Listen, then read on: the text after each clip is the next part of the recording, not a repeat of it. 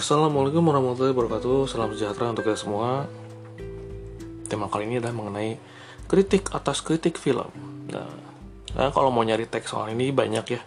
Yang lebih pinter dari saya gitu Yang lebih jago, lebih terkenal, lebih lebih hebat gitu. Silahkan dicari aja gitu. Jadi jangan menganggap bahwa apa yang saya ungkapkan di sini adalah satu-satunya sumber gitu. Jadi lengkapilah dengan sumber-sumber yang lain. Gitu. Dan jangan pengen disuapin terus ya Oke, jadi ini adalah pendapat saya mengenai kritik atas kritik film. Di atas kertas itu benar ya. Kenapa sih di media kita tuh nggak ada kritik film yang benar-benar ba bagus yang bukan berarti sekarang jelek ya ada, cuma kayak nggak diseriusin gitu. Kalau kita lihat keluar tuh kan ada dulu namanya Roger Ebert, ada Gene and Siskel juga ada E.O. Scott yang suka nulis di New York Times Manuel ada Glaze terus juga adalah ya jurnalis-jurnalis luar gitu. Ini obrolannya snob ya. Tapi saya nggak akan ngebahas mereka gitu karena saya yakin sih 99,9% rakyat Indonesia itu tidak peduli gitu. Eh Scott itu siapa gitu. Oke? Okay? di atas kertas benar gitu. Kalau kita bicara ekosistem ini tuh dari hulu sampai hilir sekrup-sekrupnya mesinnya gimana itu dan salah satu sekrupnya adalah kritik film yang bagus sebagai apa ya sebagai penyeimbang lah ya atas karya-karya film yang ada di publik gitu. Benar. Tapi kita nggak hidup di atas kertas. Kita hidup di, di kenyataan. Mari kita bedah ya elemen-elemennya itu. Pertama um, memang ada sih uh, kalau kita sering baca koran baca media itu tiap hari sabtu atau hari minggu itu ada kritik film gitu. Atau kritik uh, pameran budaya atau apa gitu. Saya nggak bilang jelek gitu. Sebagian menurut saya itu bagus gitu mungkin memang tidak sesuai dengan harapan para SJW SJW itu yang pengen uh, super idealis gitu. Tapi ya menurut saya sih udah lumayan lah ketika misalnya walaupun tidak rutin ya dan belum misalnya sesuai dengan taraf misalnya Roger Ebert gitu. Kata saya sebenarnya sudah cukup gitu dan dan dan kalau kita mau jujur gitu ada nggak sih orang gitu yang murni kerjanya 100% hanya ngeritik film terus dia bisa hidup berdasarkan itu gitu. Di Indonesia gitu. Ada nggak? Nggak ada. Kalaupun ada satu dia dia adalah wartawan yang uh, Sabtu Minggu dia bikin uh, liputan atau kritik film. Hari Senin Selasa Rabu Kamis Jumatnya mungkin dia ngerjain yang lain gitu. Jadi dia bukan spesialisasi uh, kritikus film gitu. Dia adalah uh, karyawan dari media tersebut gitu. Kalaupun ada gitu. Dan kalaupun katakanlah kritik kritiknya adalah kok ini kritis apa konten kritik filmnya nggak secanggih yang suka saya lihat di jurnalis jurnalis-jurnalis luar negeri bikin gitu ya? Ya harus lihat juga dong audiens Indonesia itu seperti apa sukanya gitu. Nggak bisa dong kita dari atas gitu kan mentang-mentang kita merasa paling ngerti merasa pernah baca ini itu terus kita maksain audiens Indonesia itu suka gitu dengan artikel yang penuh dengan taburan kutipan kutipan-kutipan filsafat atau teori semiotika gitu. Dan dan jatuhnya percuma gitu. Mungkin kalau artikel seperti gitu ada bagus gitu. Tapi ketika pembaca tidak merasa paham dan tidak merasa apa ya bahasa Inggrisnya itu related dengan bahasan seperti gitu ya jatuhnya percuma gitu. Tidak berusaha berkomunikasi hanya berusaha untuk pamer aja nih. Saya nulis tuh mampu loh pakai kutipan-kutipan filsafat gitu jatuhnya malah orang dapat persepsi bahwa artikelnya itu pamer aja gitu. Mungkin akan ada yang berargumen ya kita nanti menciptakan audiens sendiri gitu. Boleh-boleh aja. Tapi ketika jumlah audiens kamu katakanlah cuma 40 orang yang membaca gitu sementara artikel yang biasa-biasa aja dibaca 4000 orang ya anak SD juga tahu lebih gede 4000 apa 40 gitu. Dan kalau ada yang berargumen memangnya kalau sudah banyak dibaca itu artinya bagus? Ya enggak tapi secara ekonomi itu lebih didengerin orang gitu. Dan mungkin kalau kalangan-kalangan SCW yang pengen kritikus film tuh bagus bla bla bla bla itu mau turba gitu turun ke bawah gitu maulah kira-kira menonton hal-hal yang rakyat biasa tonton atau membaca hal-hal yang rakyat, rakyat biasa itu membaca mungkin dia akan terkejut gitu. Bahwa banyak sekali channel YouTube Indonesia itu yang yang uh, meringkas film. Jadi uh, dia tuh hanya sekedar nyeritain sinopsisnya aja. Selama 5 menit, 7 menit dari awal sampai ke akhir itu dengan potongan-potongan adegan filmnya atau slide fotonya gitu. dan yang lihat itu sampai jutaan gitu. Saya nggak akan sebut nama channelnya apa cari sendirilah dan itu menandakan bahwa mohon maaf gitu bahwa orang Indonesia itu masih lebih suka yang seperti begitu gitu. Yang untuk plot film aja mereka masih harus dijelasin gitu ya kalau kamu mau nulis hal-hal misalnya kritik film yang ada isinya semiotika Martin Heidegger terus Hannah Arendt atau sejarah Eropa abad 15 silahkan aja gitu. Tapi jangan mencak-mencak kalau ternyata yang bacanya cuma 20 orang gitu. Karena ya itu artinya bahwa Anda tidak mengenali audiens Anda anda sendiri itu dan kalau misalnya tujuannya adalah menciptakan audiens sendiri nggak cukup cuma dengan bikin konten begitu doang gitu. Harus ada harus keluar duit lah untuk digital marketing atau apa gitu.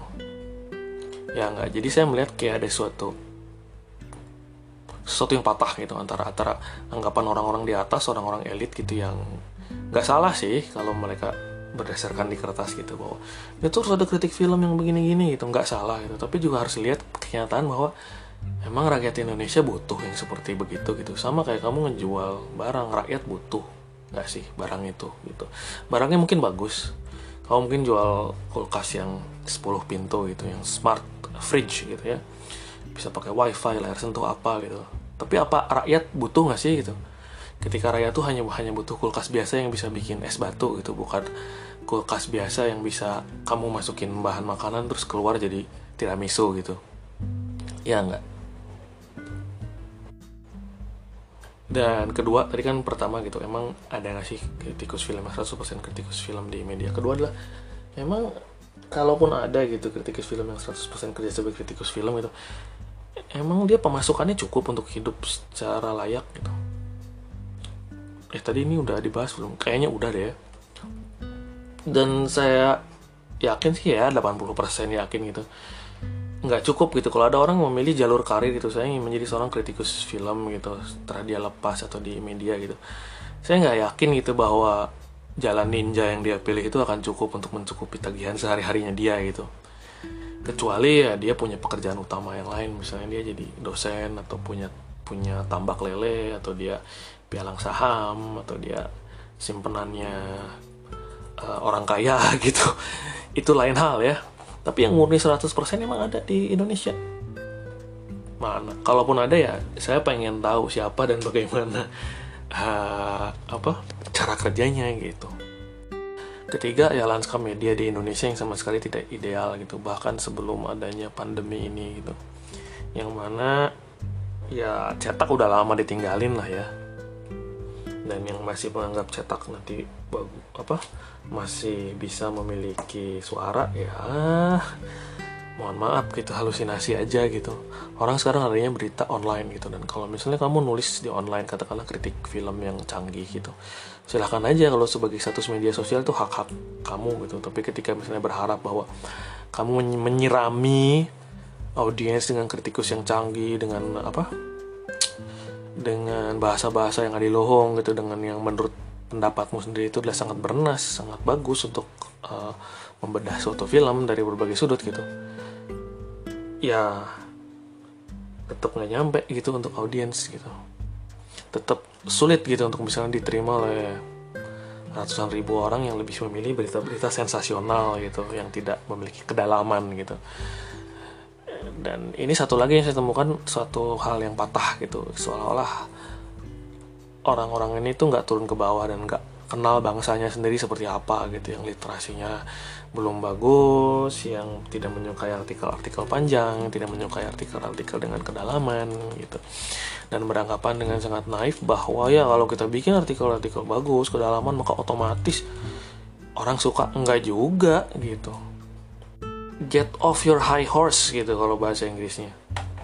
Bahasa yang nggak menunjukkan orang-orang kaya yang punya kuda melihat kehidupan dari atas kuda gitu. Terus ada petani di bawah gitu.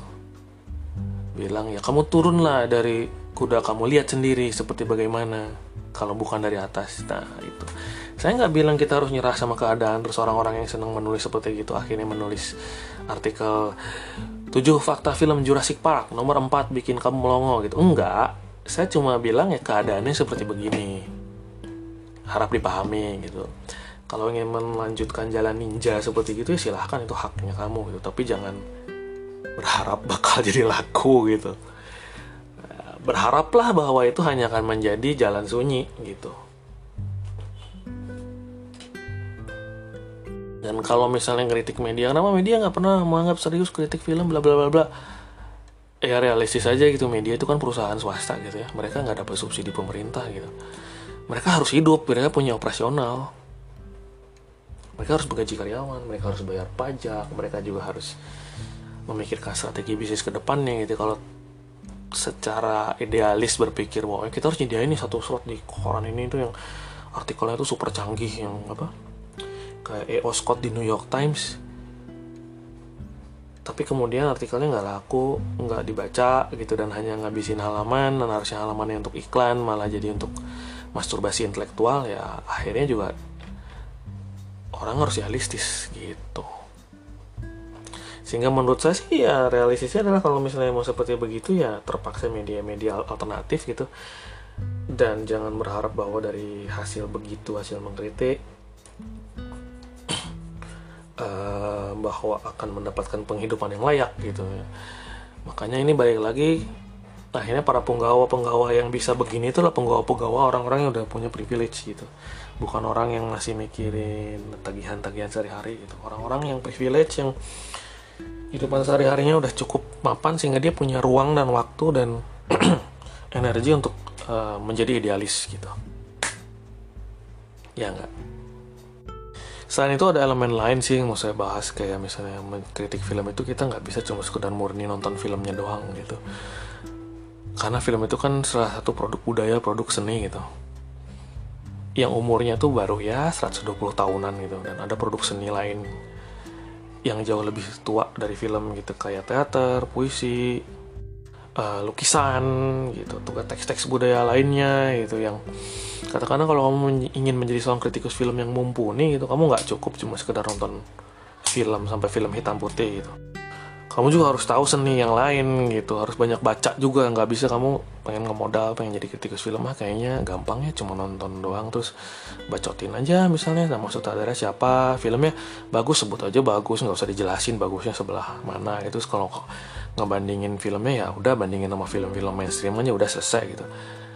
Ya nggak juga mau mau kamu harus banyak baca buku gitu. Dan bukunya juga bukan buku-buku fiksi tapi buku-buku non fiksi yang ribet jeliman buku semiotika buku sastra buku teori apalah gitu. Agar kritikannya tuh bagus gitu.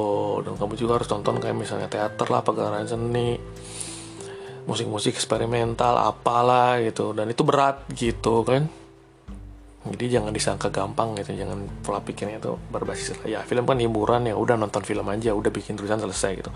Enggak gitu. Dan katakanlah setelah kamu melakukan itu semua gitu kamu memiliki kebiasaan membaca buku-buku yang lain dan akhirnya terjadi sebuah produk kritik yang bagus yang kritik atas film Forrest Gump misalnya. Saya nggak mau sebut film Indonesia karena ah, ribet lah. Kritik atas Forrest Gump yang bagus yang bernas yang jernih emang bakal dibayar setimpal gitu secara rupiah? Enggak kan? Jadi ya udah gitu. Semua juga udah tahu kok jawabannya gitu. Kenapa hal yang idealis ini tidak terjadi gitu? Gitu ya udah. Saya nggak menjelek-jelekan orang yang pengen idealis enggak gitu. saya cuma ngasih tahu kenyataannya seperti begini gitu.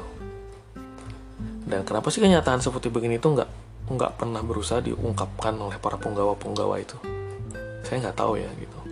Malah sibuk aja masturbasi intelektual gitu dengan kata-kata sulit dengan pamer. Saya udah bisa baca ini loh. Saya udah bisa nulis artikel kutip-kutip Sartre loh gitu loh yang sebenarnya nggak ada kontribusi apa-apa buat masyarakat gitu seperti begitu gitu.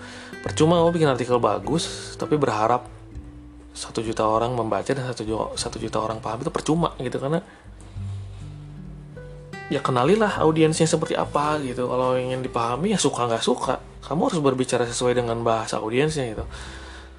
Salah satu alasan kenapa Donald Trump sukses 2016 itu karena dia bahasanya sederhana. Ketika dia kampanye dia nggak mungkin nggak pakai bahasa legislasi nggak pakai bahasa perforasi dia pakai bahasa sehari-hari soal hukum soal aturan soal membuat Amerika menjadi besar lagi. Itu kan kalimat sederhana gitu yang orang-orang tidak perlu kuliah pun paham gitu. Sehingga akhirnya dia berhasil gitu.